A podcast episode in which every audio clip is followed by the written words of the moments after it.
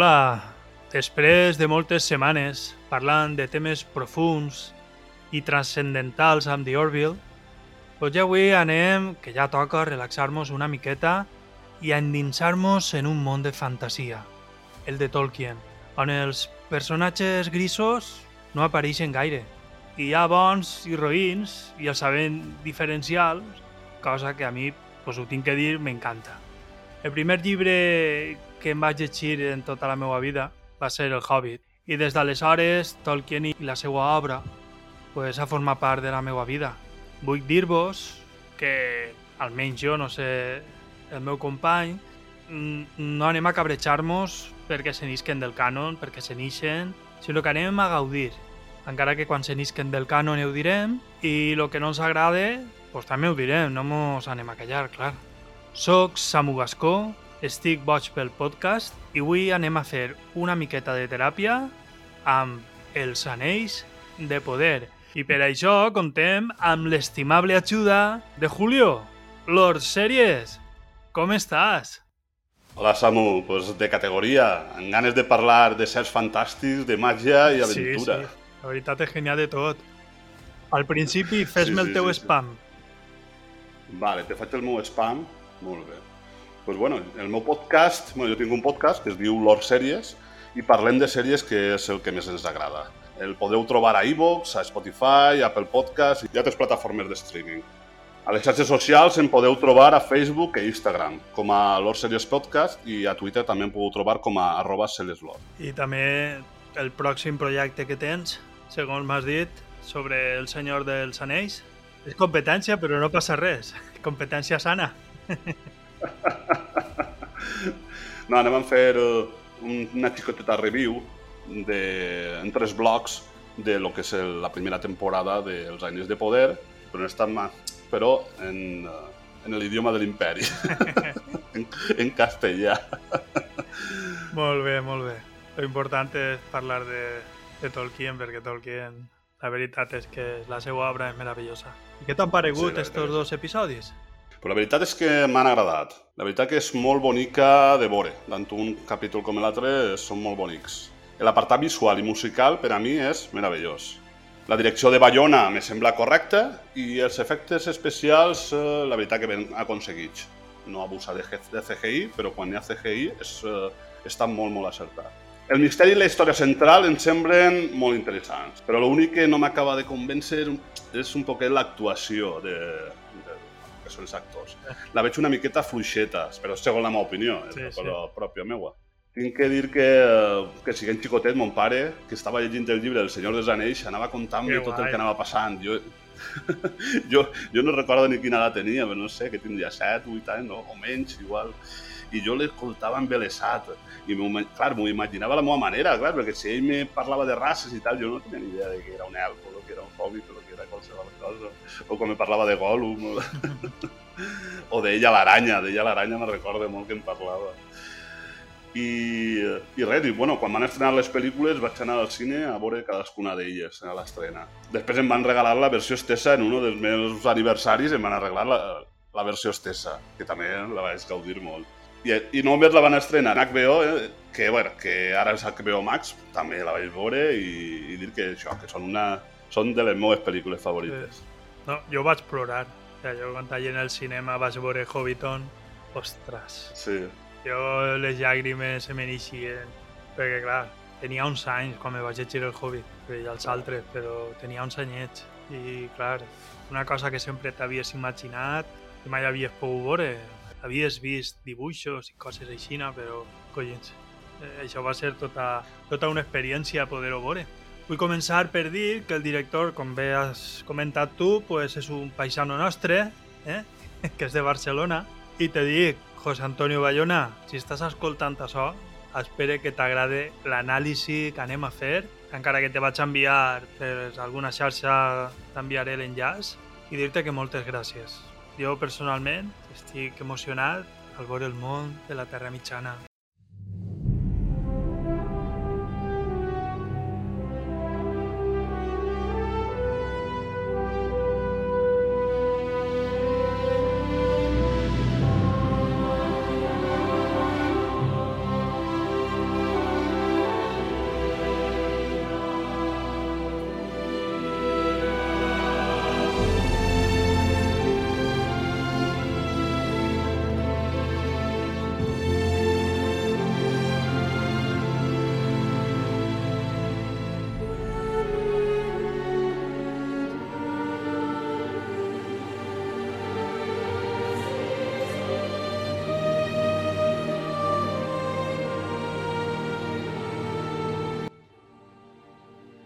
Podem començar amb els personatges. Si vos podríem dir uno cadascú. Sí, Vols perfecte. dir tu el primer? Vale. Bueno, anem a començar per els elfs i la primera, com no, que sembla, la veritat que sembla la protagonista, o és més o menys el que es sembla entendre a mi, Sí, que és Galadriel, o Galadriel, com es diu? Galadriel. Galadriel. Galadriel. Galadriel. Eh, eh, Bueno, que és... els noms, perdona, Sí, els sí. noms, eh, molta gent no ho sap. Sí. A J.R.R. Tolkien el va criar el famós Father Francis, pues era el padre Francisco. Era un retor que era d'ahir de Cádiz. És a dir, parlava espanyol i va aplicar la gramàtica castellana, la va aplicar, aleshores moltes vegades no saben com se pronuncia, pues se pronuncia com... se pronuncia com, com mos imaginem. Sobretot, moltes són esdrúxoles, no? Com Galadriel, eh, l'home de Galadriel, Celeborn, bueno, el Seldarin... Si no saps com tirar-li, esdrúxola. El Dròxula, sí. Sí, la veritat que jo també dia igual Galadriel, perquè així en Espanya, quan els noms que acaben en el, la majoria, l'accentuació Sí. és, uh, és aguda, no?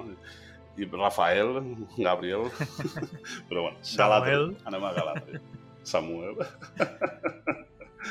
Bé, doncs la... Galadriel, eh, bueno, l'actriu que interpreta Galadriel és eh, Morphy Clark, té 33 anys. El personatge mos el pinten com una elfa valenta i decidida.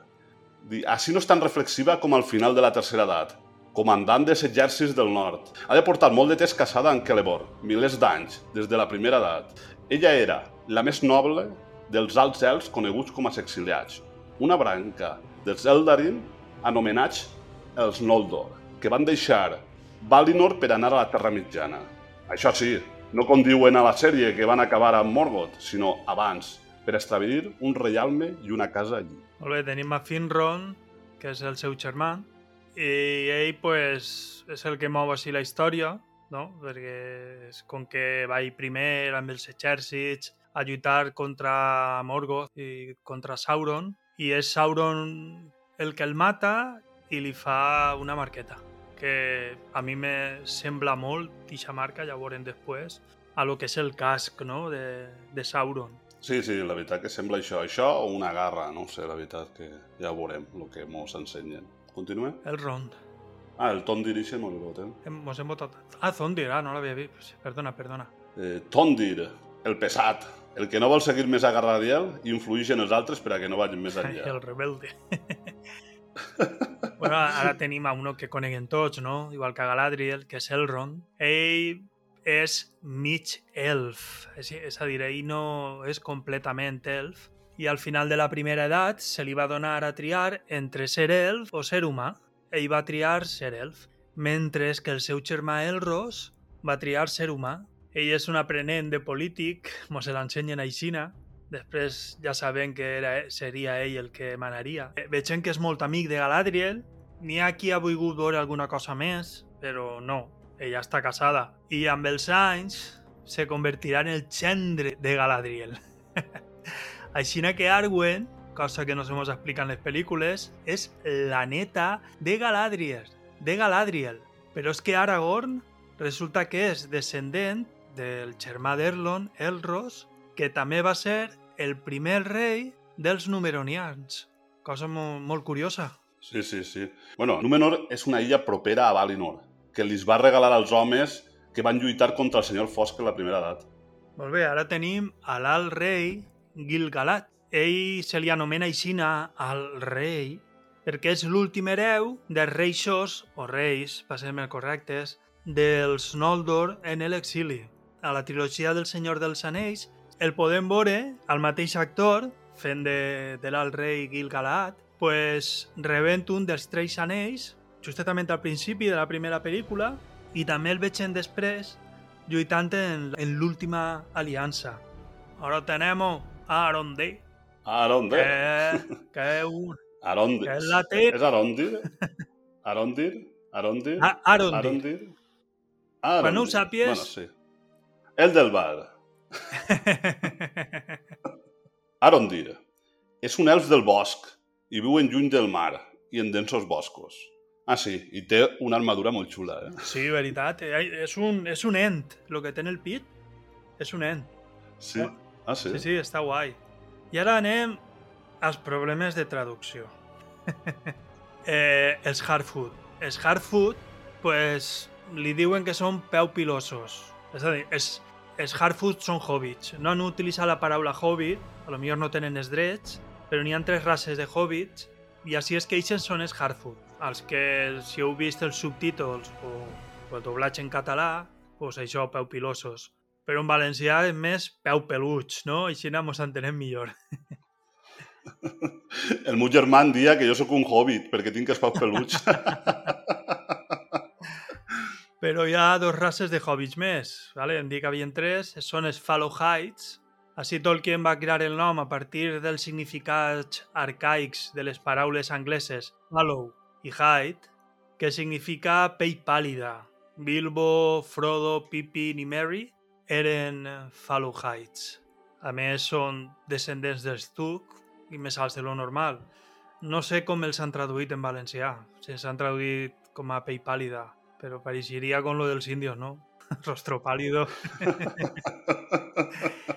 Després estan els Sturs, eh, que part d'esta rama de, de hobbits eren Digol i Smigol, ja sabem, Gollum, recordem, no?, la tercera pel·lícula, que estan allí en el riu, pues ells pertanyien a este, a este grup. I ell va utilitzar així Tolkien pues, una paraula anglesa antiga que és store o stur, que significa fort, però ja no, ja dic, no sé, igual que en els altres, no sé si està traduït al valencià oficialment, però seria això, peix pàl·lid, peix blanques, podem dir-ho així, i els forts, i els altres és peu peluig. bueno, anem, anem, a veure, anem a veure els protagonistes. Comences tu? Sí, jo mateixa. Vale. La primera, o la que pareix que tinga més importància, és uh, Nori Brandyfoot, o com sa mare, sa mare li diu uh, uh, El, Eleanor. Eleanor, no? sí, és Eleanor. Està interpretada per Markela Cavenagh, que té 22 anyets. La veritat que pareix major en les fotos, però la sèrie com que pareix més, més Sí, joveneta. que tinga 14 o 15 anys. Sí, sí. No és com els altres hobbits, sinó que no es conforma a amagar-se amb el poble i, i emigrar quan calga, sinó que vol explorar, és així una pispireta. Molt bé, tenim a Marigold Brandyfoot, està interpretada per Sara Swagobani, és una actriu de color, cosa que no enquadra amb... amb a veure, o ha hagut ahí un, una cosa estranya, perquè vaig a comentar també el pare, que és Largo, té un, té un nom castellà, és Largo Brandyfoot. El pare és molt moreno, més moreno diria que el meu germà, que jo sóc blanc i ell és negre, però és que sa mare és això, sa mare és negra. I clar, ella té la pell superclareta, és rosa, encara que sí té el color de moño moreno. Jo, la veritat, jo no entenc com funcionen les races, però si sa mare és negra i son pare és molt moreno, ella no pot ser tan clareta, no? Igual és adoptar. Sí. Ai. Anem a el següent. Pues bé, ara anem a parlar de, de Poppy Proudfellow, que és l'amiga. I també tenim a Malva, que és una plaça molt famosa d'ací d'Alzira. I una falla. pues té una curiositat. I és que és la primera hobbit dona que apareix en les genealogies. I damunt és l'avantpassada comuna de Frodo i Merry. És a dir, que imaginar Frodo i Merry, Mediadoc Tuc, clar, no, Tuc és peregrin, per Pippin. Molt bé. Bueno, doncs passem Sí. als humans. T'has enamorat Vale, de la vale, que ve vale. ara? jo no. Home, eh, no tinc la pell tan oscura ni les, ni les orelles tan cap amunt per enamorar-me d'ella. bueno, ara anem a parlar dels humans i tinguem, en primer lloc, tinguem a Bronwyn, que és sanadora i especialista en herbes i remeis. Tenim a Theo, o Theo, però tu comporta una A que és Theo, que és el fill de Bronwyn. No se sap res del pare, però jo diria que és fill d'Arondir. Perquè si no sé si t'has adonat, i després ho comentaré en el que passa després, en l'espasa, però porta el monyo, aixina com els Beatles, però se tapa tot, totes les orelles. Jo no li he vist en cap moment le- les orelles al xiquet. Jo perquè ho has dit tu, però jo no m'havia fixat. Però sí, sí, és cert que fa això.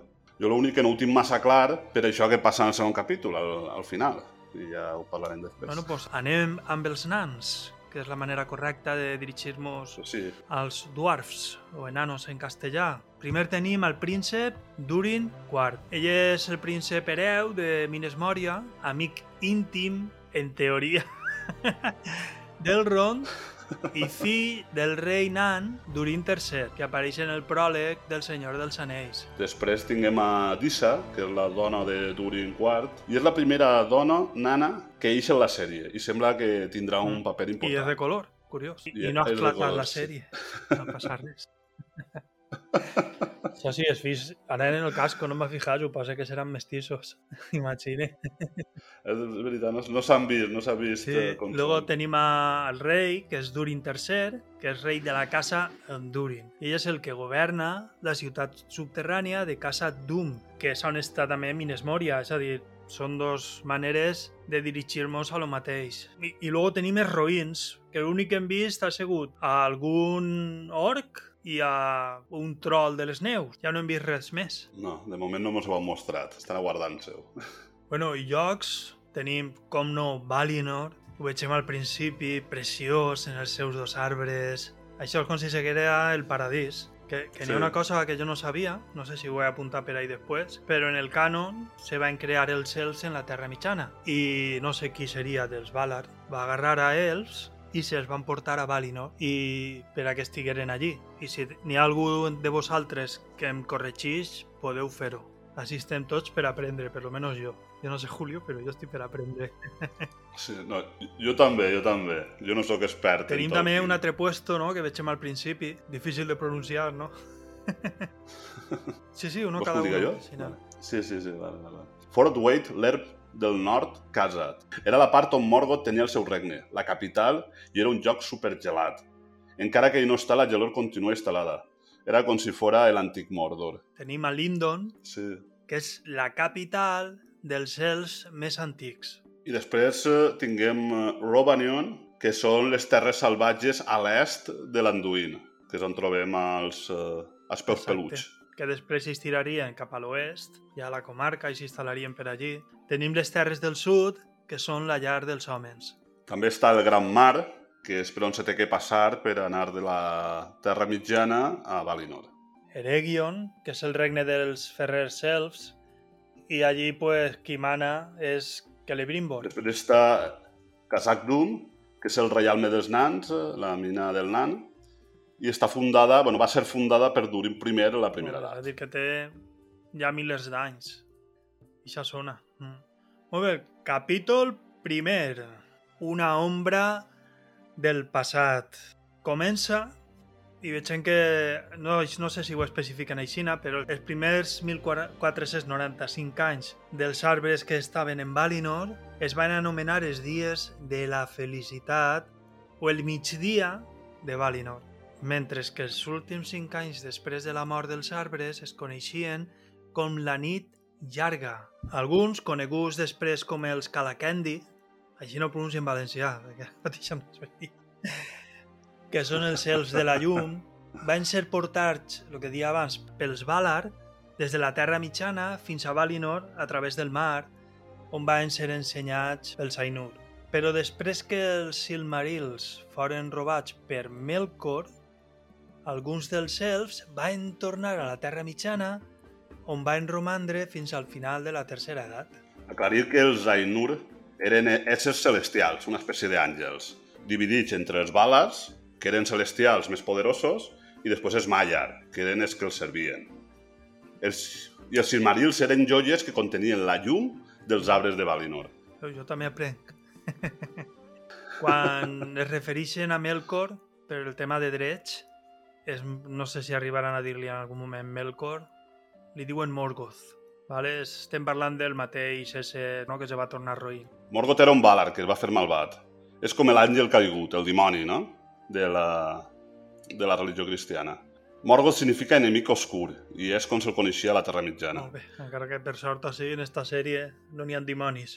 Això és una cosa que, que Tolkien se va cuidar molt de fer, perquè si n'hi hagueren dimonis i coses així, pues jo no podria ni llegir el llibre.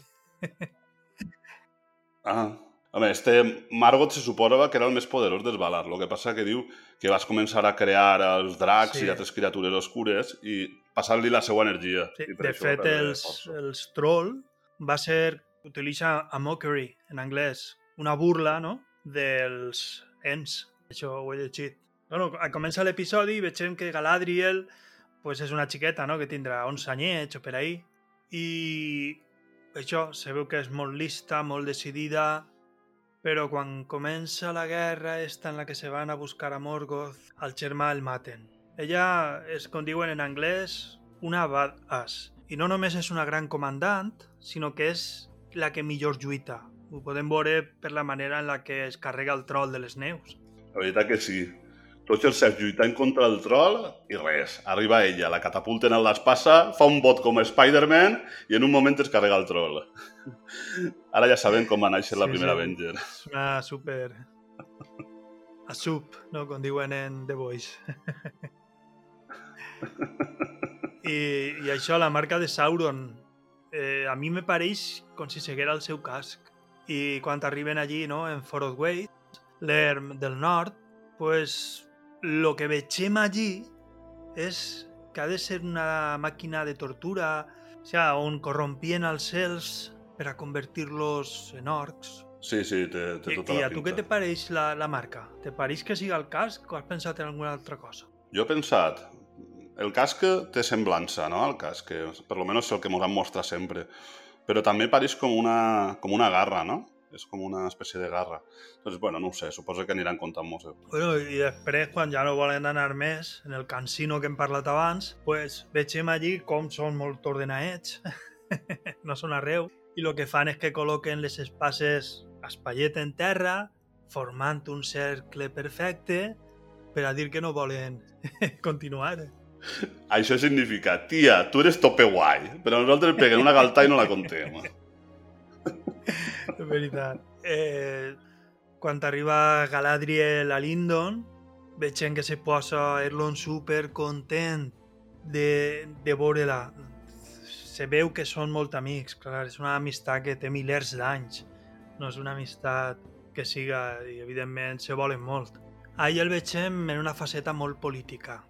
I per protegir a la seva amiga, perquè pensa que morirà, encara que si mor no passa res, no? Perquè si mor se'n va a Valinor, no? directament, crec que van allí. O sigui, els humans moren, en l'obra de Tolkien, els humans tots tenen vida eterna. La diferència és que els humans moren i van al cel, mentre que els elfs tenen vida eterna, però poden morir, doncs, per exemple, Galadriel, com hem vist en el segon episodi, haver pogut morir ofegada o poden tindre una mort violenta.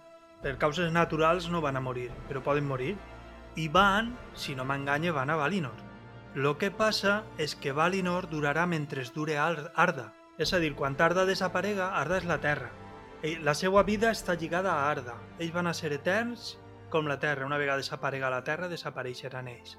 Mentre que els humans sí que tindran vida eterna, però en el cel. Que això té molt a veure en el que Tolkien creia, perquè ell era molt, molt catòlic. El rei es veu que també se la vol llevar de damunt i el que li escriu els discursos és, és el Ron, perquè està fent així en la boqueta mentre l'altre parla. Inclús comet la botxeria de declarar el fin de la guerra contra Morgoth, quan ja tenen proves de que estan ahí.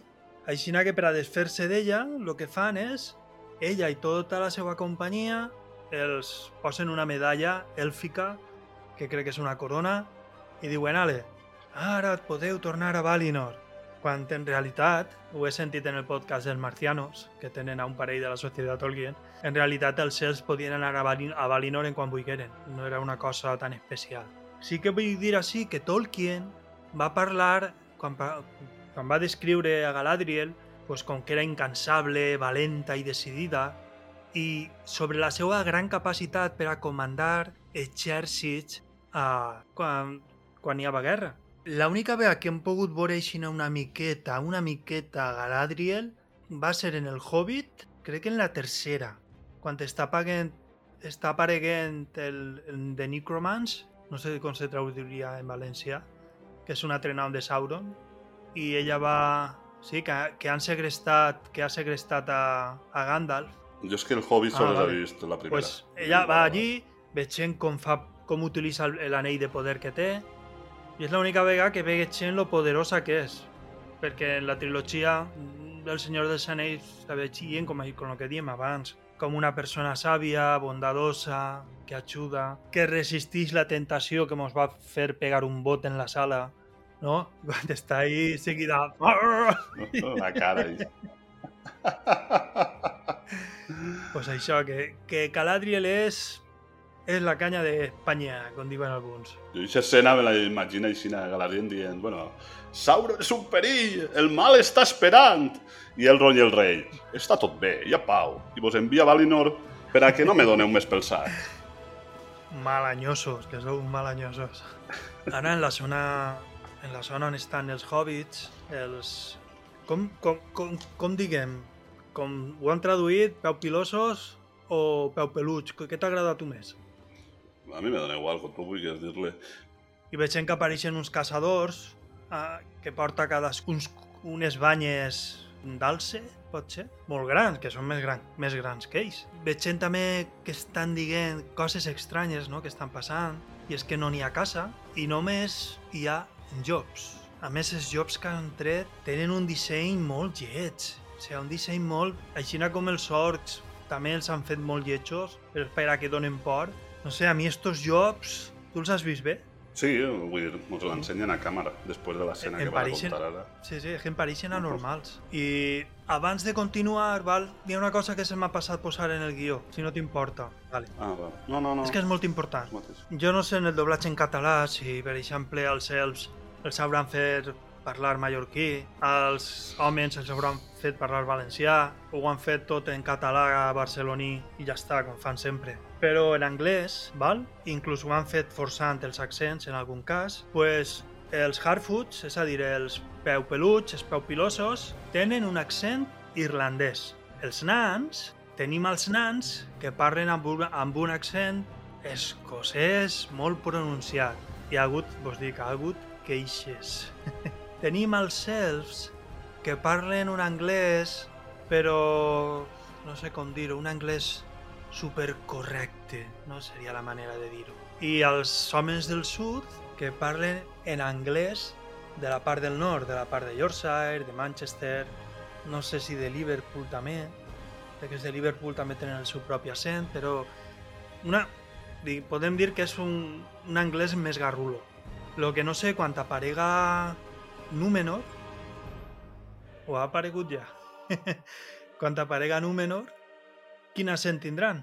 Ja ho veurem, perquè clar, Viggo Mortensen tenia un accent prou especial, ja que parla 200 llengües i no té cap. Pues ara anem a veure una joveneta que ens va parlar en Irish, en irlandès, que personalment vos dic que és un accent que a mi m'agrada molt. I és Nori, que veig que és una xiqueta molt nerviosa. Des d'abans de que començara la sèrie, pues ja saben que ella va ser una de les protagonistes. Pues està convollant, és una motina hora, als xiquets, a buscar mores, però junt del poblat on estan ells. I quan se n'adonen tant ella com, com Grossella, que mira que si li arriben a canviar-la a ella i li posen una T, que com està grosseta, pues, han de mullar perquè apareixen els llops. Sí, però val la pena per aquestes mores que són grans com a mandarines. Eh? No, no són tan grans, són grans per a ells. No. Per vosaltres serien normals, no?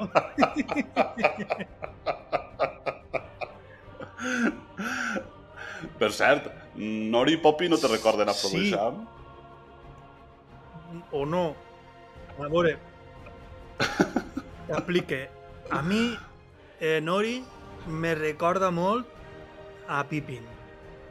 Però el cas de, de Poppy sí que me recorda a Sam. Sempre frenant i tal. Però aixina que clavant-se en líos i tal era la parelleta Merry, Meriadoc Tuc i, i Peregrin Tuc. Ah, Meriadoc era tu? Ai, no, Bueno, dona igual. Merry i Pippin.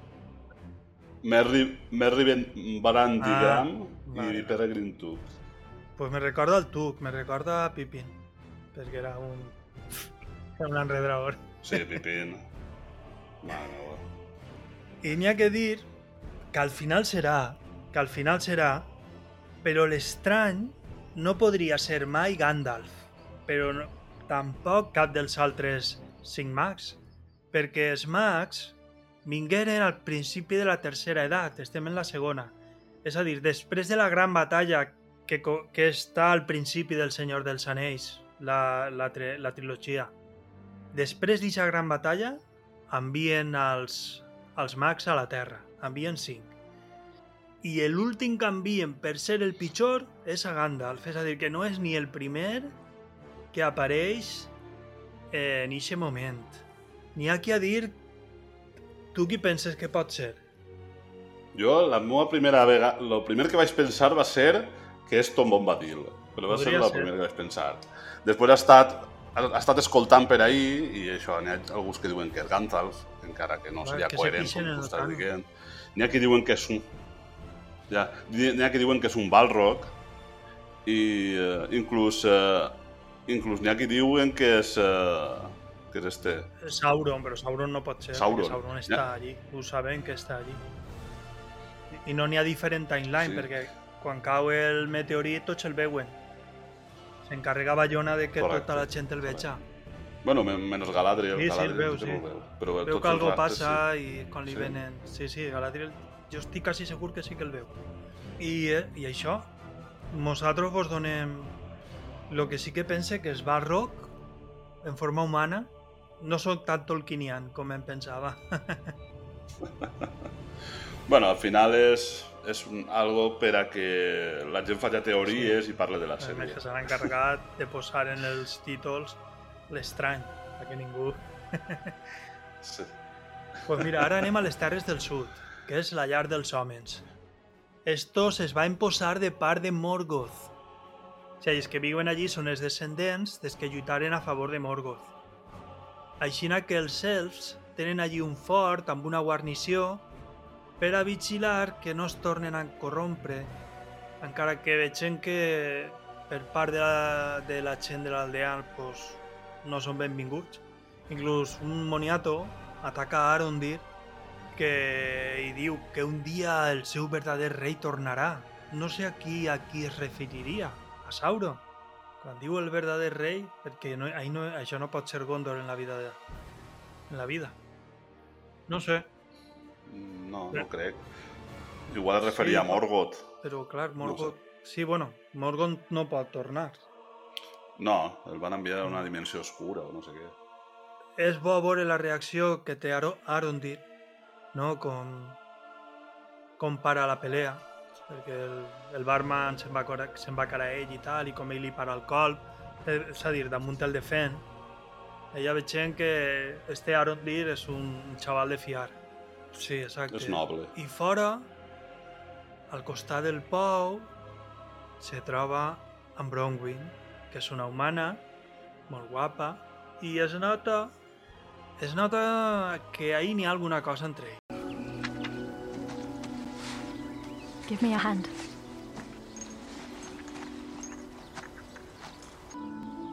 Halfrin seeds. I've not seen this flower since I was a child. Where did you find these? I had to trade with another healer who was passing through. We crushed the petals to form a salve, You crushed them. gently. Are there healers among your kind? There are. But we call them artificers. And most wounds to our bodies heal of their own accord, so it is their labor instead to render hidden truths as works of beauty. For beauty has great power to heal the soul. And I hope you find Alfrin flowers beautiful. Dóna'm la mà. Llavors del Firin. No havia vist aquesta flor des de petit. D'on l'has estret? Vaig fer un canvi amb una altra guaridora que estava de pas.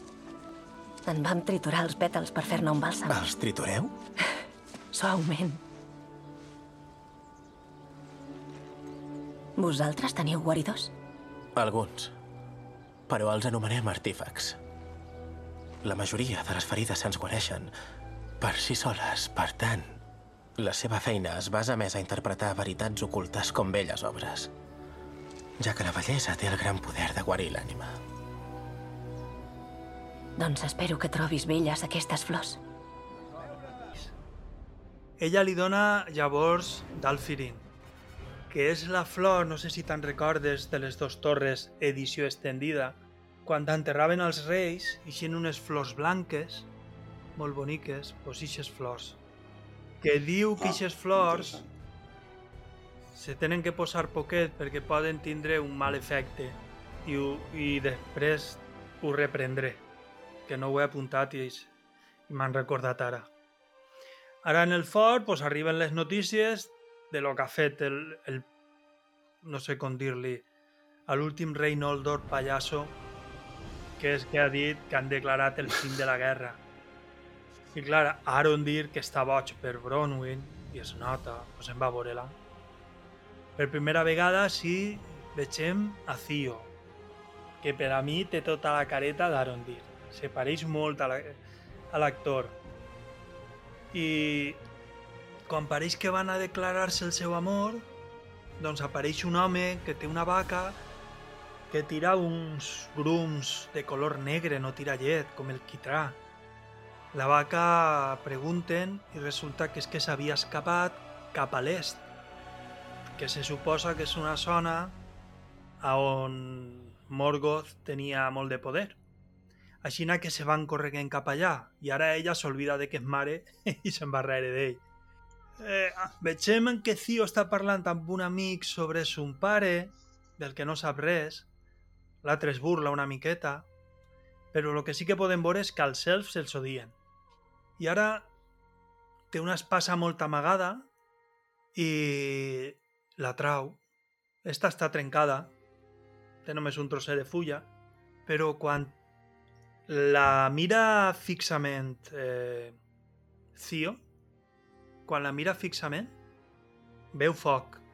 I sabent que ho veu de veritat, perquè s'han encarregat en els efectes especials, de que li vegem en el, en el, en el reflexe dels ulls, li vegem ixe foc. Mm, N'hi ha que dir que el que me fa a mi entendre que pot ser Michelfo, o Michelf, el xiquet, és com reacciona l'espasa al veure'l. Així com els elfs tenen espases que en seguida s'encenen al veure els orcs, lo millor una espasa de la part corrompuda pot extraure poder dels elfs d'alguna manera, no? Com veurem en el segon episodi, però tot això és la meva teoria. Bueno, a mi me va vindre a la memòria quan Pippin agarra la pedra evident de Saruman i veu l'ull de Sauron. Ara sí, anem a enterar-nos que Elrond i que Lebrimbor són molt amics. I el rei li encomana que l'ajuda en un treball molt especial. Quin treball serà?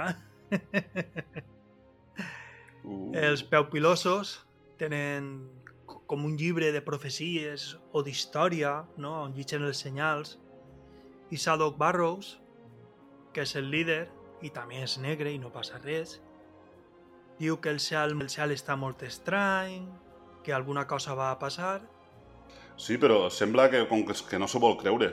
I entonces les popiloses van darrere dient-li que tot és molt estrany, tal, Sí, com, sí. sí. com agobiant-lo, no? I eh, ells sí que ho miren el llibre i és el que posa, però és com que no vol quan caiga el meteorit ja no...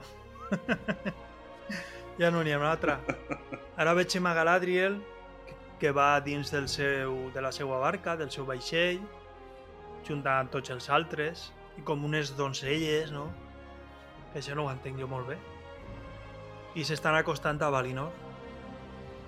I per a poder entrar, pues, es desvestixen i es queden en camisó, Sona una música meravellosa, ells comencen a cantar en cor, tot molt bonico, i el cel s'obri davant d'ells. Els ex-rei diuen que es diu que a l'alta mar, mentre navega cap al regne beneït, una dolça fragància a l'aire i el so de les veus cantant arriba a l'àuia per trobar-se amb els vaixells elfs. Aleshores, la cortina de pluja grisa es converteix en un vidre platejat i es torna enrere per revelar unes costes blanques i un país verd i llunyà sota una ràpida eixida de sol. O sigui, és molt bonico, no? Això és un fragment directament, directament traguet dels apèndix.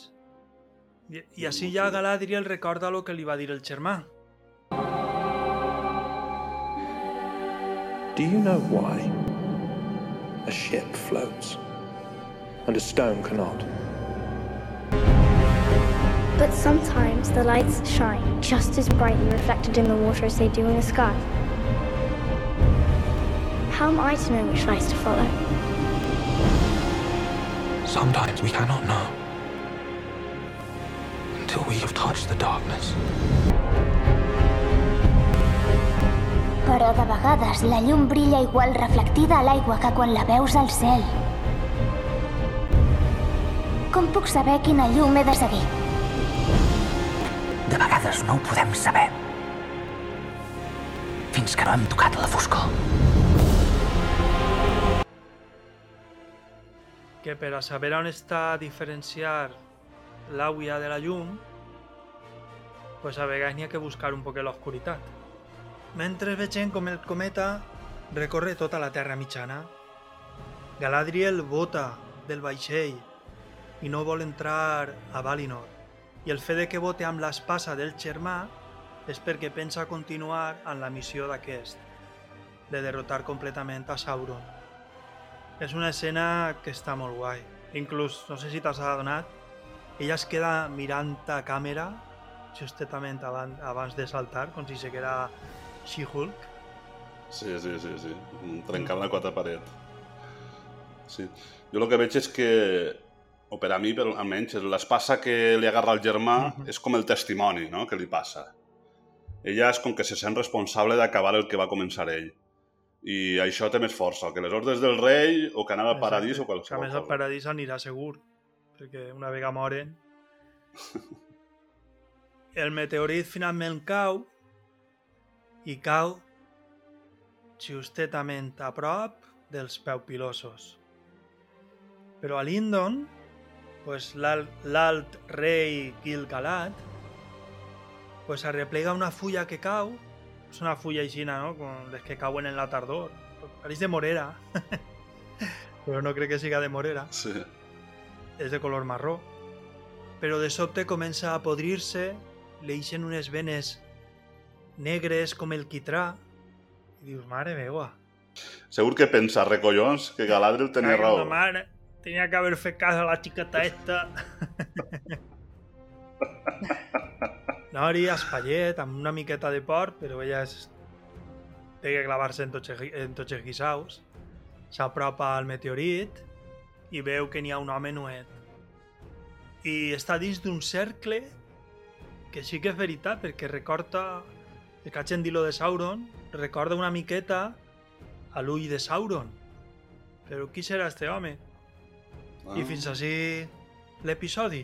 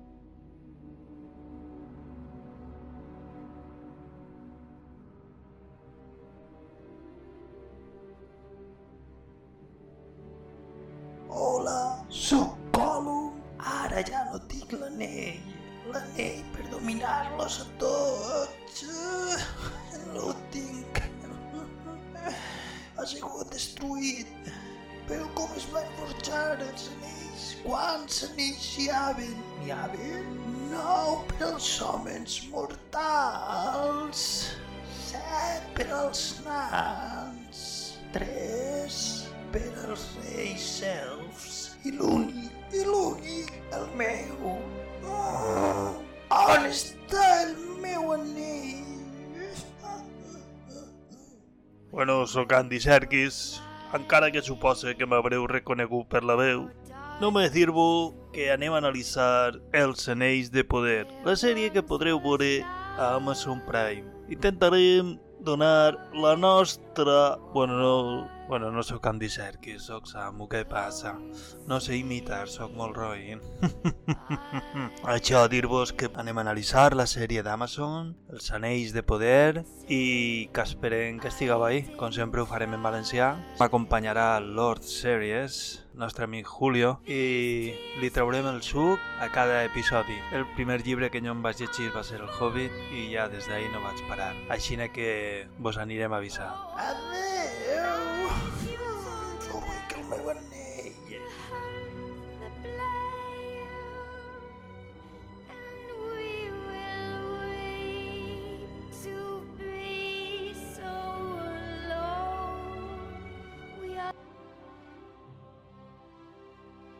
Bueno, pues anem al capítol 2. Es titula Adrift a la deriva. ¿Y qui està a la deriva? Pues ja ho sabem, no? Se tira de la barca enmig de l'oceà. pues Galadriel. Ella està en la foscor. Recordem que això que havies dit abans, no? De que ella com a elfa comparada amb els humans, pues ella és una superheroïna, superforça, superresistència... Mm, Clar, tu imagina que tirar-se al mar per una persona normal seria com un suïcidi. Perquè d'on està ella fins a on està la Terra, per una persona normal és impossible arribar. Pues anem ara a Nori. Recordem que havia caigut el meteorit i una cosa que a mi m'ha sorprès molt és que ella entra en el cercle de foc que és que té que ser valenta perquè a veure qui se clava en un cercle de foc i resulta que el foc no crema Nori! Poppy! Get away from there. You shouldn't sneak up on folk like that. You shouldn't be.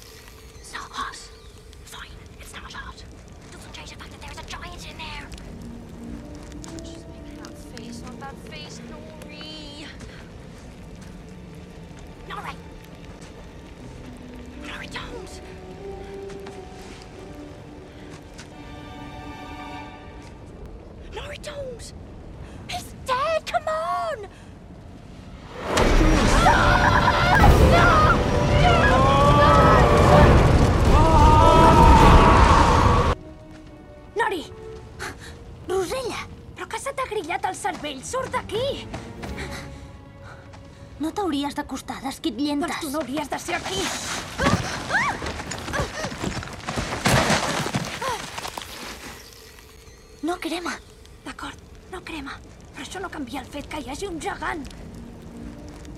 Ja hi som amb les cares. Això no, Nori! Nori! Nori, no! No,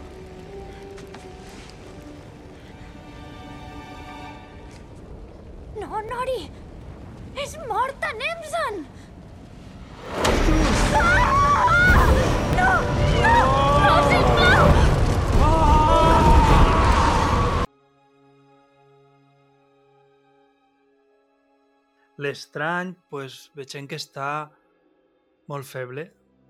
I recordar, no sé si abans ho he dit, que a Poppy en la traducció catalana li han canviat el nom i li han posat Grosella. En fi, jo crec que els noms no se deurien traduir mai, però és una opinió. Perquè Bilbo és Bilbo Bolset o alguna així, dic jo, però per l'amor. Saquet. Saquet. Que no t'he trillat. Deixa-lo en, Baggins. I més ara que ja la gent un mínim d'anglès, de nivell d'anglès té. Jo no dic que el parlen, però una miqueta de nivell la, la gent té i sap el que és una, una borsa. Una cosa que, que mos adonem en Nori, que té molt bones qualitats, és que és molt hospitalària i vol ajudar-lo a ell coste el que coste. Així tenim uns quants moments d'humor, quan se'ls escapa la, la carretilla, quan està el líder de la de l'aldea buscant-les, buscant a veure què passa i com ella va agarrant les coses per darrere. Però sí que arriba un moment i és que Nori es posa molt seriosa. I diu que té molt d'interès en ajudar-lo, que vol ajudar-lo, perquè de tots els llocs de la Terra Mitjana on haguera po pogut caure perquè la Terra mitjana és molt gran, pues ha caigut justament allí on ells estan. Aixina que, que se ho pren no? com a la seva missió ajudar a aquesta persona. Mira que esta xica està desitjosa d'aventura, eh? Això, això jo crec que acabarà mullant del poble i anant-se'n en, en el desconegut. Segur, segur. De parranda, a buscar ha una cosa que diuen sí. que podia ser Gandalf, per això... Per, perquè, clar, cau on està els hobbits i saben que ell tenia molta... Eh, a ell li agradava molt estar a, amb els hobbits i els buscava. Ara anem a Arondir i Bronwyn, que estan investigant el poble. No hem dit que això és el poble d'ella. És el poble on ella s'ha criat. Però no hi ha ningú cadàver. Encara que quan entren en una casa veuen que hi ha un clot, però és un forat molt gran, algú l'ha tingut que fer. Així que ella li diu, vés-te'n a avisar a la teua vila, i ell comença... I ell diu, jo investigaré així. I estan a punt de pegar-se un beset, però no se'l peguen. El llavor que li ha donat ja ho té bé. Pues això, anem a Eregion i així és on veiem ara Celebrimbor i Elrond. Recordem que Eregion és el regne dels Ferrers. I és allà on Elrond no només mira amb admiració el martell de Finor, que es manté que té allí recollit en el seu estudi Celebrimbor, sinó que també reflexiona sobre l'impacte que este va tindre en la Terra Mitjana. Després de comentar que el martell va forjar els Silmarils, Elrond diu «Estrany, no? Com un objecte pot ser responsable de crear tanta bellesa i tant de dolor». En resposta, Celebrimbor assenyala que es deia que els Silmarils eren tan bonicos, tan vells, que Morgoth es va quedar embobat mirant-los. I que el treball de Finor gairebé va acabar de convertir i fer bo, encara que no va passar perquè van ser uns segons només, el cor del mateix Morgoth. Esta conversa és molt important, sobretot tenint en compte els plans que té Celebrimbor així en els anells de poder. Evidentment, si Celebrimbor és un ferrer i la sèrie se diu Els anells de poder, no vos teniu que donar més pistes, no? Però, clar, esta escena és comprensible que els espectadors casuals que no han vist eh, que no han vist les pel·lícules, o més que les pel·lícules que no s'han llegit els llibres, pues es pregunten què va passar exactament entre Finor i Morgoth. No poden dir més, i no poden dir més, no poden esplayar-se, ho deixen en este comentari aixina com si res, perquè no tenen els drets del Silmarillion. Aixina que ho expliquem, d'acord? Ho expliques tu, Julio? Fëanor era el fill gran de Finwë, el primer rei d'un clan elf conegut com els Noldor. Va néixer durant els anys dels arbres i, al llarg de la seva vida, va crear diversos objectes notables, entre ells el Palantir. Tanmateix, les creacions més grans de Fëanor van ser els Silmarils, tres joies que contenien part de la llum dels dos arbres de Valinor. Els Silmarils eren tan vells que van cridar l'atenció de Melkor, el més poderós d'Esvalar i primer senyor fosc de la Terra Mitjana. Després que ell i una aranya primordial, coneguda com un Goliant, aconseguiren destruir amb èxit els dos arbres de Valinor, Melkor va anar a la casa de Fëanor quan l'elf no hi era, va matar el pare de Fëanor i va robar els Silmarils. En conèixer les accions de Melkor, Fëanor el va rebatejar com Morgoth i va ocupar el lloc del seu pare com a nou rei dels Noldor. Llavors, ell i els seus fills van jurar el jurament de Fëanor, prometent matar qualsevol que intentés retenir els Silmarils de la seva família. Després del jurament, Fëanor va dirigir els seus seguidors a una batalla contra un dels seus companys del clan Elves, els Teleri. Els Noldor van sortir victoriosos i van utilitzar els vaixells dels per navegar des de les terres immortals fins a la Terra Mitjana. Fëanor i els seus companys alts van ser ràpidament atacats per les forces de Morgoth després de la seva arribada a la Terra Mitjana. Fëanor va aconseguir defensar alguns dels atacs de Morto. El seu orgull i ràbia es va fer avançar massa en els dominis de Morgoth. Posteriorment, va ser envoltat per diversos balrogs de Morgoth i finalment va ser assassinat a la batalla que va seguir. Els seus fills es van veure obligats pel seu jurament a recuperar els Silmarils. La recerca de Morgoth per part de Fëanor no només va fer que molts ells vingueren a la Terra Mitjana per primera vegada, sinó que el jurament de Fëanor també va inspirar els seus fills i descendents a realitzar diversos actes miops, estúpids i violents durant la resta de la primera edat de la Terra Mitjana. És important conèixer la història dels Silmarils, si voleu entendre realment la història dels elfs a la Terra Mitjana. No obstant això, la conversa de Kellen Bimbor amb Elrond sobre els Silmarils també és destacable perquè Kellen Bimbor és en aquest moment l'últim membre de la casa Feanor. I per finalitzar, dir que els Silmarils eren molt importants, ja que aquest podrien restaurar la llum dels arbres de Valinor que va ser arrebatada. Quasi res porta al diari. Moltes gràcies, Julio. A tu. Eh, o sea, és a dir, que veiem que Celebrimbor ve de família, diguem que la família més noble que n'hi ha, que ja n'hi haven guerres entre els propis elfs feia mil, fa d'anys, com diu al principi el, el comentari o l'explicació que has fet, i ja després, pues, si una vegada va acabar aquesta guerra, pues, ja sempre, que jo sàpiga, els han coneguts com a... encara que tenien diferents regnes, però sempre units, no?, els, els elfs. Mm, I això eh, té molt, té molt de poder, aquest martell.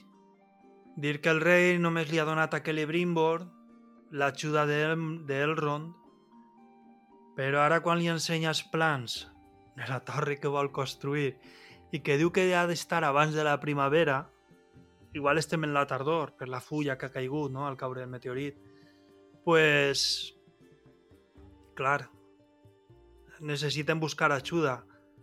Dir que, que li diu que la construcció d'eixa torre i el que vol construir allí, jo crec que la torre, evidentment, és una forja gegant. Sí, jo crec que també. Més gran, més graus, no? Pot aconseguir el foc. Eh, diu que l'Ebrimbor, que és una cosa que va a canviar per a bé la història. Jo em pregunte, si estem així, no han dit res, però Sauron ja li té que haver menjat el cap, no? Suposa que estarà darrere. Però on? Perquè ell se feia passar per un elf, ah. no? Si no recorde mal. Bueno, ja veurem. No sé, hasta ahí no Ah, arriba, no arriba. Són ahí. coses que deuria saber, perquè són bàsiques, però bueno, no passa. Com necessiten molts treballadors i no els ha proveït el rei, pues què diu el Ron? Diu, jo tinc quasi propet un amigatxo. Anem a buscar-lo. I qui és l'amigatxo? Pues és Durin IV, el príncep dels nans. Això és un dels seus millors amics. Així que van a casa Doom, que com ja m'ha explicat al principi, també és Moria, per a demanar-li ajuda. Arriben a la porta.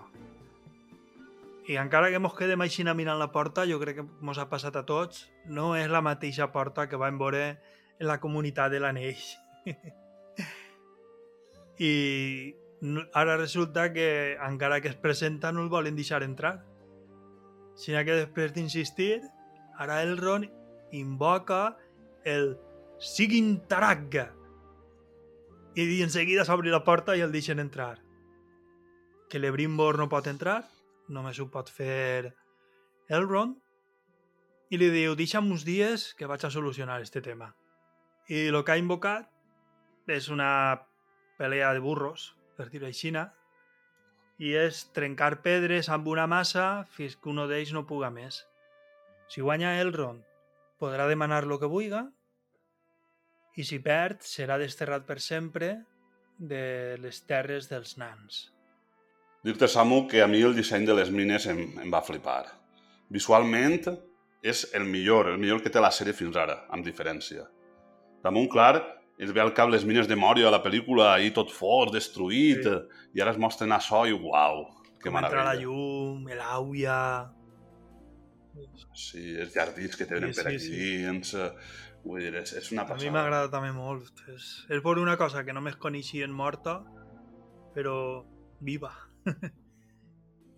Sí, sí, sí. bueno, ara sí. tornem a, Mo, a Nori, que està amb l'estrany.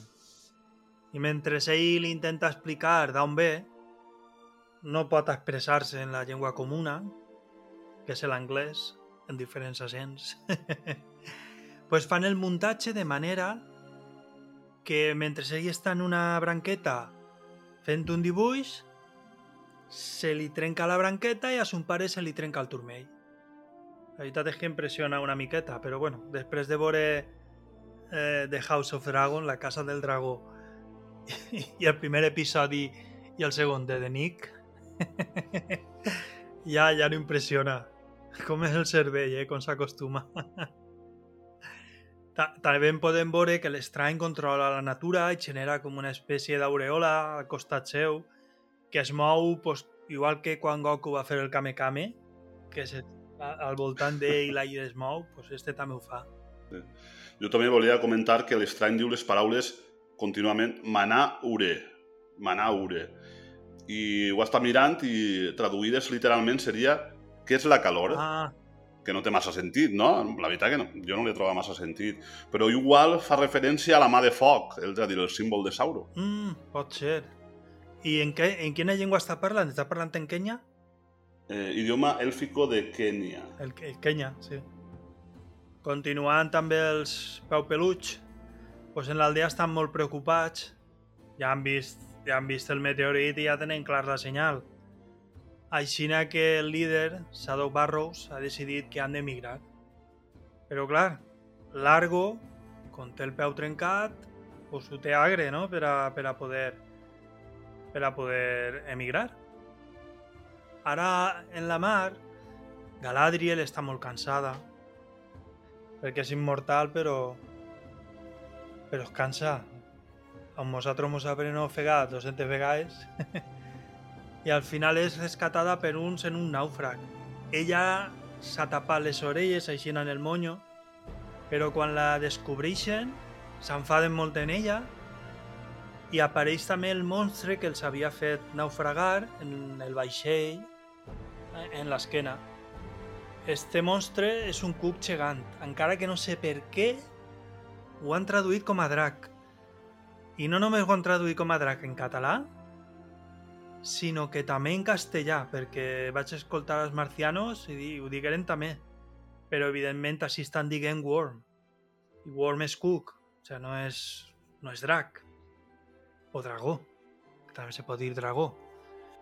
Quan veuen que ve, que ve el, el, el cuc, i, i com aca- acabaven de descobrir que Galadriel és una elfa, li tenen odi als elfs, pues la tiren a l'àuia, esta veient que el cuc va a minxar-se-los, pues amolla, nadant, amolla i s'allunya tot el que pot de, del pot salvavides en el que l'havia en el que l'havien rescatat.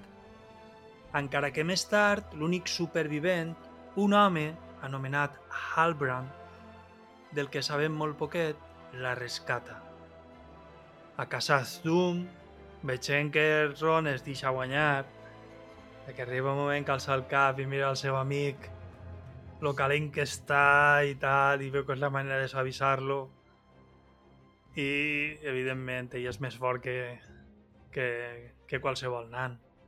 I quan l'acompanya Durin Quart a la porta per a fer-lo fora, veient que està molt dolgut, Remarkable. I never dreamed to find your city so changed. Well, 20 years will do that. Has it been only 20? Just tell me your secret. Our secrets are our own. Durin, have I offended you? To answer that one, we'd need a longer lift. If you wish to discharge me without explanation, that is your choice. Bet your feathery shirty tights. But before squandering the best opportunity any dwarf prince has had in a generation, you might at least listen to the proposal I bring. Ah, there it is. The true purpose of your visit, you want something. I journeyed here to see my friend whom I've greatly missed. Missed? You missed my wedding. The birth of my children, two of them. You cannot barge into my mountain and demand I welcome you with open arms. So what do you have to say to that? Friend. Congratulations. On your wife, your children. I hope you can come to forgive me. No hauria somiat trobar-me a la ciutat tan canviada. 20 anys són molts anys. Només en fa 20? M'has d'explicar el teu secret. Els secrets no s'expliquen. Durin, què t'he ofès? Em caldria molta estona per respondre't. Si prefereixes que me'n vagi sense donar-te explicacions, tu mateix... Deixa de desbarrar! Abans de malbaratar la millor oportunitat que ha tingut un príncep nan en tota aquesta generació, podries escoltar la meva proposta. Ah, ve tu aquí! El motiu de la teva visita vols alguna cosa? He viatjat fins aquí per veure un amic que enyoro. M'enyores? No vas venir al casament! Ni quan van néixer els meus fills, dos! No pots presentar-te a la meva muntanya i exigir-me que et rebi amb els braços oberts! Ara no pots reclamar una cosa que vas desdanyar! Desdanyar, Durin? 20 jo... anys poden no ser res per un elf! Però per mi són tot una vida! Una vida que t'has perdut! Què n'has de dir d'això? Amic?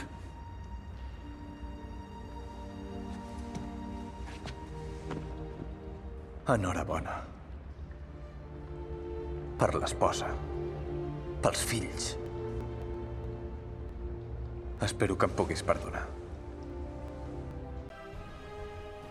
Perquè és que han passat 20 anys, però clar, a Erlon 20 anys pues és un elf, té vida eterna, no és res. És, una, és un ser que té milers d'anys de vida, ja, vi, ja viscuda.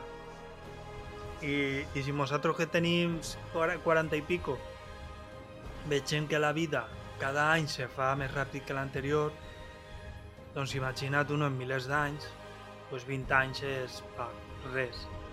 I clar, s'ha perdut el seu casament, però ho diu, l'actor ho fa molt bé, ho fa, per almenys m'ha paregut, transmitix el dolor que té, no? El, lo despagat que està perquè s'ha casat, han nascut dos fills i clar, si un amic teu li passa això en la vida, pues lo normal és que tu estigues al seu costat, gaudint també. Així és, així és. Jo l'escena esta, bueno, esta i la que completaràs després, jo m'ha donat compte la, la làbia de polític que té l'Elrond, no? Per dur a, a Durin per on sí, ell vol. Sí, sí. Eh, és molt resabut. Elrond li dona, clar, perquè així ara ell diu, què tens que dir-me? Ja li havia demanat perdó, perdó, perdó. I el que li diu és, enhorabona per la família que tens. Ja, però, però a més li diu en carinyo, en tot el carinyo que puga mostrar un elf. Eh, I diu que si li pot demanar perdó a la seva dona, a Dissa, que és la famosa nana negra que va crear tanta polèmica, que ja veurem en les primeres fotos no? que, anar, que de la sèrie. N'hi ha una cosa que és la nana del cànon, ja ho sabem, les dones nanes tenen barba. Però si ens fixem no té una barba, però sí que té una peluseta, així com les de unes patilles, com les de Curro Jiménez, sinó que algo li han posat. Podríem dir que s'ha afeitat. I així renegant, Durin, diu, vinga, va, pots anar a demanar-li perdó a la meva dona. I el porta. Diu, però res de quedar-te a sopar. Però veiem que Dissa, la dona, és super hospitalària, carinyosa, simpàtica... I clar, fa que es queden a sopar. Podríem dir que sí, encara que parlen amb accent escocès. A lo millor és a això que te referixes. Havia posat. Sí. Encara que els nans parlen amb accent esco escocès, jo no sé exactament ells com se comporten en família, però pareixen valencians. Com ens comportem quan estem en taula, com no parem, com xillem, com parlem fort. Mentre que la manera de comportar-se dels cels, ixa xelor que tenen al expressar el carinyo, que se volen, però no ho expressen com vosaltres, pues és més pareguda als, a la dels americans, no? els anglesos, que no m'eixia la paraula ni una paraula per referir-se a, a eixa cultura, però no, no m'eix. I per insistència de Dissa, al final fan les paus, encara que durin ho fa remugant.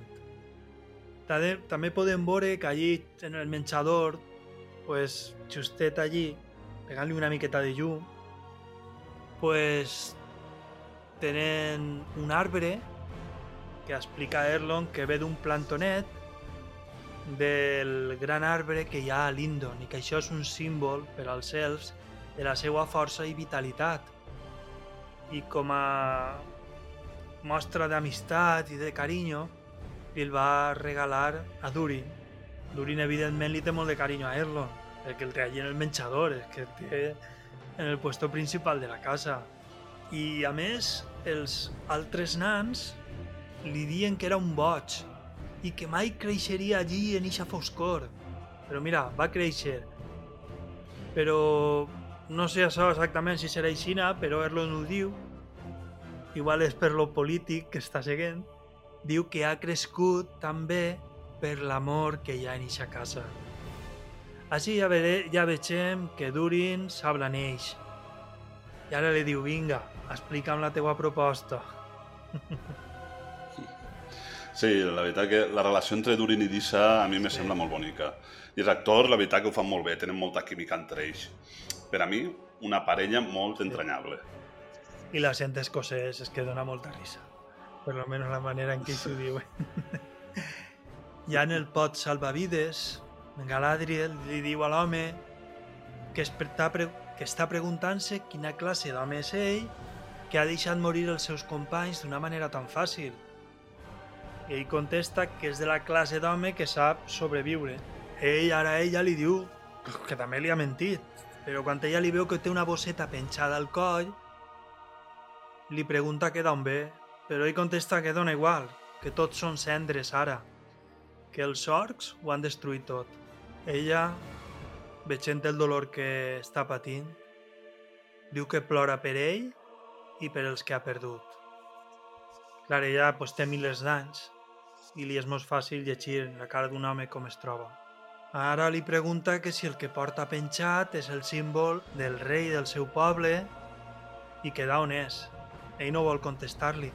I ara ella li confessa que sí, que li ha mentit, que està en la mar perquè en lloc de voler la glòria ha decidit continuar lluitant i que pot tornar-li al seu regne. Ell diu, en quin exèrcit? I ara ella diu, tu deixa'm a mi que jo m'encarregui de l'exèrcit. Però és terrible, no?, quan ara ella parla i diu totes les persones que durant estos milers d'anys ella ha perdut en la guerra contra Morgoth a mi així l'actriu m'ho transmitís. Jo no sé si a tu també t'ho ha transmitit. Mos diuen que és una actriu molt plana, però jo sé, a mi m'ho a mi m'ho ha transmitit. I això, i això canvis de veu, i. Bueno, jo el que dic, ja sabem que no és segur un número n'hi ha, serà un proto-Rohirrim, perquè estan en el sud, no? Més o menys. En el sud... Sí, Sí, bueno. I, i això és, sí, jo crec que és d'on d'on són eh, Brown i Arandir, al final. Ell se n'ha anat del sud fugint i, perquè, per lo que està passant en els orcs allí. És a dir, que això és la trama de, de Brown Clar, i però Arandir. jo dic fugint a on? Perquè en el mar està Númenor, però, però allà l'han Ah. replegat després de Númenor, on anaven? Pues igual anaven a, a Valinor, buscar Valinor, encara que no poden Clar. entrar si no, si no és eh, l'autorització dels elfs, no sé. O igual a Númenor, també. Però s'han passat de llarg.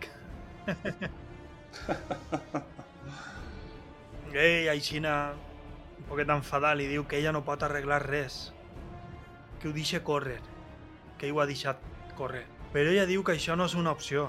Precisament així és quan li diu el que, estava, el que, el que jo acabo de dir, que m'ha adelantat, no? tota la gent que ella ha perdut. Finalment li diu que és de les terres del sud. Però en aquest moment llavors ve una gran tempesta i tornem a Bronwyn. Perquè ella va, va al bar, que és on estan tots los machos, tots los machos de la ciutat estan allí metidos. Però no li fan cas, a més es burlen d'ella.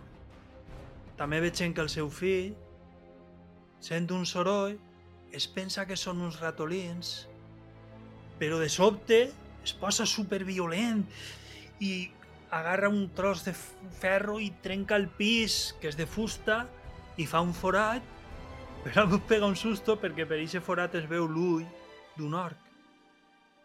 Jo l'es- l'escla- l'esclatit està ben dit? Sí, no. L'esclatit que ha pegat així el xiquet, a mi me diu que és com si això es passa, estaguera apoderant-se d'ell. Perquè no ha sigut una reacció normal, ha sigut una reacció massa violenta. No, no, que sembla això com si estiguera passant-se, apoderant-se no, a la foscor d'ell, d'alguna manera.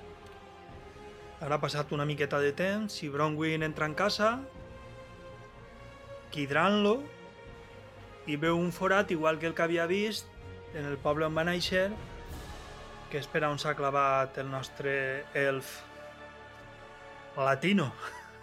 Arondir. Soy el elfo latino.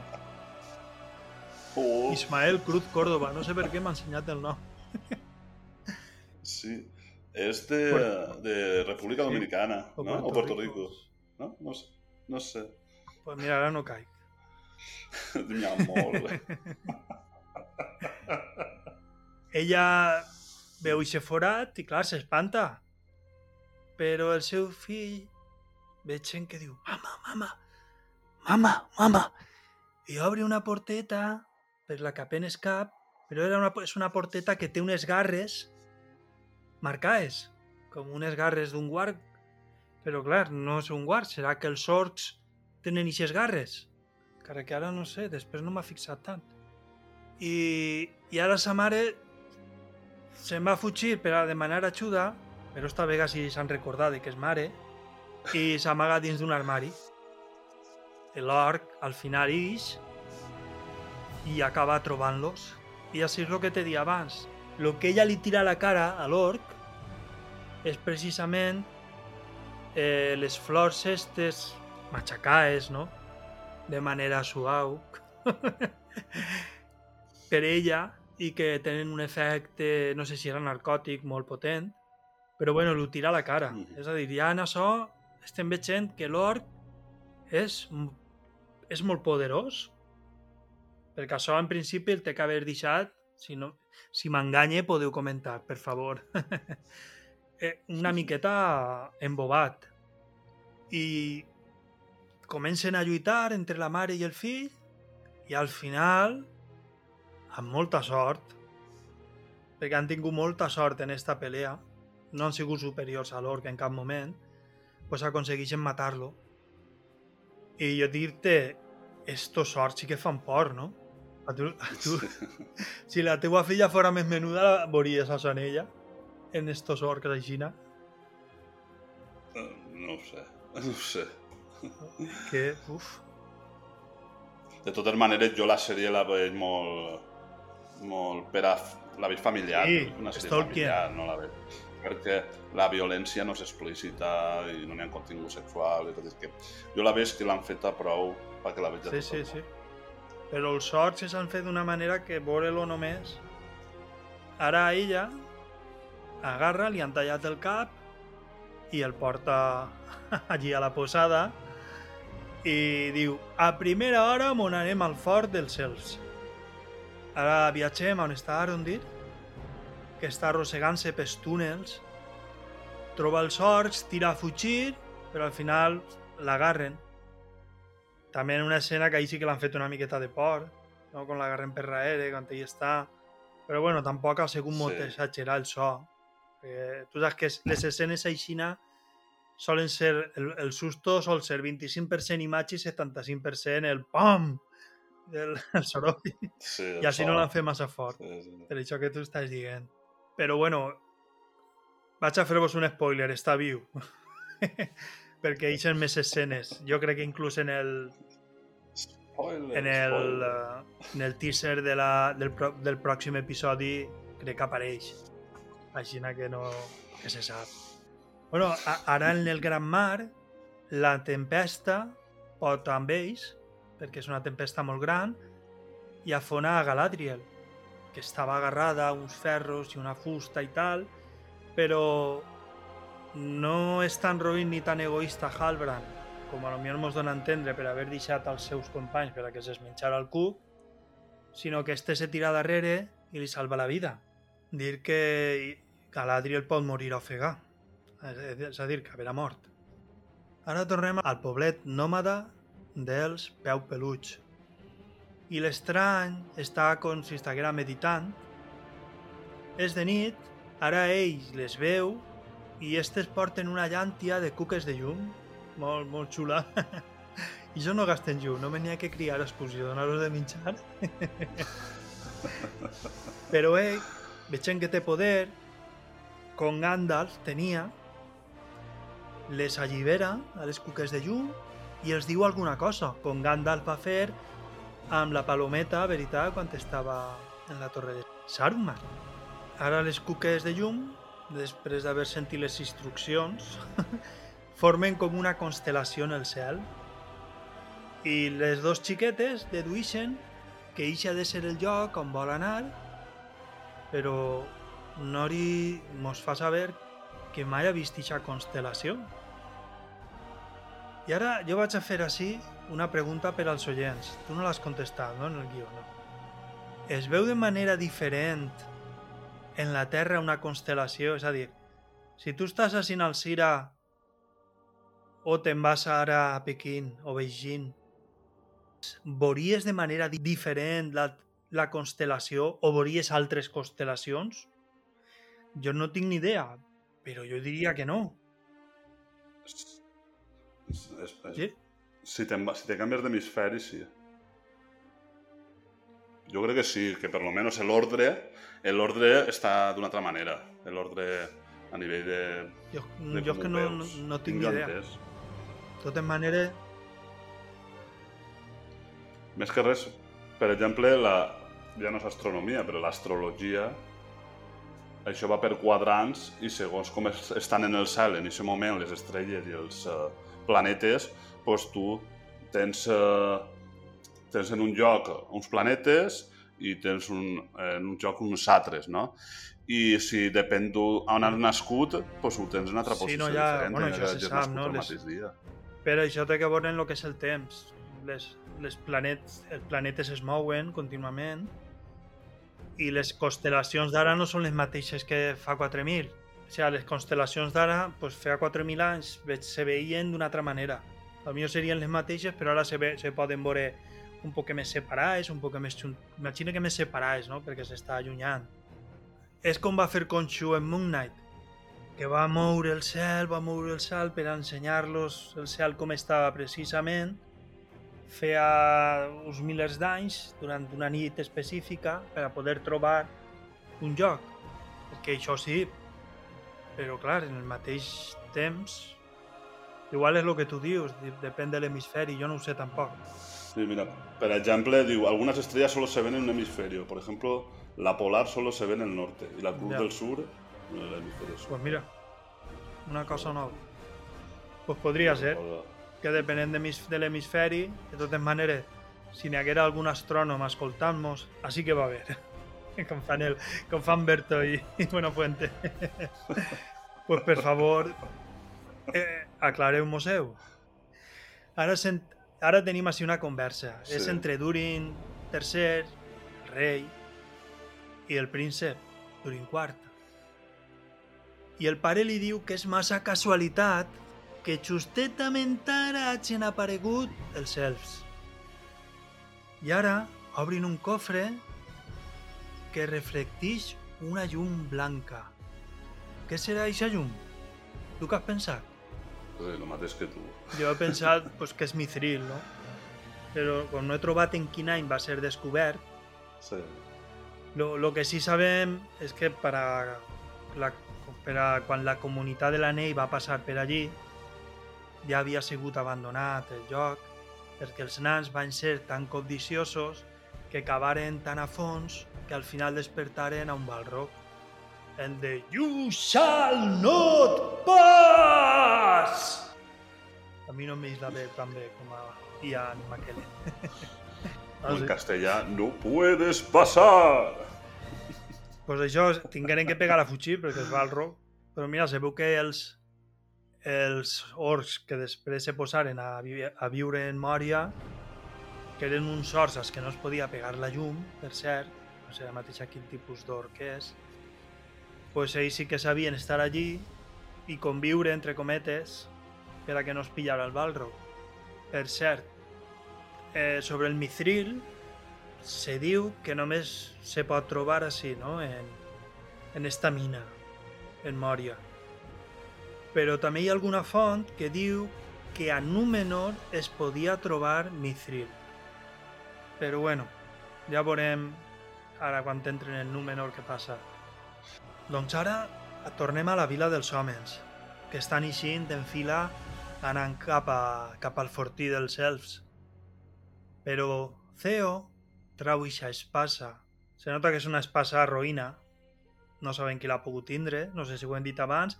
L'espasa té la marca de Sauron i es talla. Però què passa amb la sang? Que no cau cap a terra, sinó que va cap a la mateixa espasa. I ara passa una cosa que no, jo, jo no ho he vist mai en ninguna saga, que és que l'espasa comença a refer-se. O sigui, com si la sang estiguera fent que l'espasa tornara a ser l'espasa. Abans de que la fulla creixca del tot o que puguem veure que ha crescut del tot la fulla, sa mare el crida i diu, ja vaig, mamà. La clava una altra vegada en la bolseta i ja no saben què ha passat en l'espasa. Sí, jo el que... Bé, també és una teoria meua, no? Jo dic, si la sang d'aquest xic és capaç de refer l'espasa en el poder de, de Sauron, no? Igual, per això te dia jo que no tenia clar si era fill d'Arondil, no? Perquè és... jo entenc com que la seva sang és sang de d'algun d'aquell pare pues, és algú que, que tenia aquest poder oscur, no ho sé, la veritat que són teories. També hi ha una teoria que diuen que Theo podria ser el rei bruixot, un dels futurs naps. Sí, bueno, de, dels nou reis I... n'hi havia uno, que és este, el rei bruixot, que no se té clar, no s'ha aclarit si era rei o no. Aleshores sí que és veritat, quadra. pues, tornem amb Galadriel i Halbrand, que mos els hem deixat mig morts en la tempesta i estan aixina, patarrats, mirant pa a dalt sense poder-se moure. El sol els pega en la cara, però veig en l'ombra d'un vaixell molt gran. O d'on serà aquest vaixell i s'acaba. És el, el tio de la capa. I, I clar, se té que acabar perquè ja no estan a la deriva, com diu el títol de l'episodi. Mentre estan a la deriva, l'episodi ha continuat, ja no estan a la deriva, doncs s'acaba l'episodi.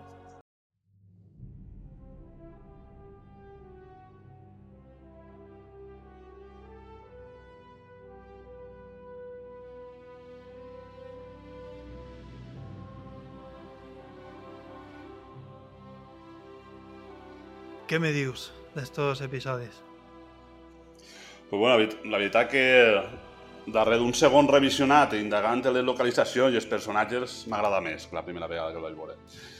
La trama de Galadriel sí que em sembla una mica fluixeta. És tot el tema del, del mar Sí. i de la barca i tot això. Però bueno, suposa que és necessària no? per a connectar el que ve ara. I, eh, bueno, en general m'ha agradat i tinc ganes ja de que arribi el divendres per a veure Podrem veure, eh? podrem veure-lo abans d'eixir. Perquè te, tenim que dir-vos, eh, queridos oyentes, tenim que dir-vos que el divendres tenim una quedada marciana. Venen uns quants del, del canal Marcianos en un tren, venen a València, i uns quants podcasters i amics de per així la terreta, la- o la contornar, pues anem a dinar en ells, alguns també se quedaran a sopar, i això que tindrem que veure l'episodi abans d'eixir. Crec que el posen a les 6 del matí. Tocarà. Mm. La sort és que jo estic de vacances, així que igual No, o, matí ja o mos portem l'iPad i el veig mentre conduïm. Jo el veig i te'l conte. Clar, clar, sí, sí. tu vas fent-me de narrador, no? Com si seguera una podcast. de les que veuen en Bulgària. Tu saps que allí, crec que és en Bulgària, Ah. allí la posen en versió original, li lleven la veu a la versió original i n'hi ha un tio que va dient lo que... En, se en serio, eh? és, és, és brutal. Sí, sí. Jo també tinc moltes ganes de veure el tercer episodi. La veritat és que és una sèrie que... Uf, I l'ho dit. Bayona, si estàs escoltant-nos, m'ha encantat. I si t'agradaria... O si et farà com bo i il·lusió pues participar en el podcast, pues només tens que dir-ho. Així estarien que se mos cau la bava. I és en valencià, en català, és a dir, que pots, perquè ho fem en la nostra llengua.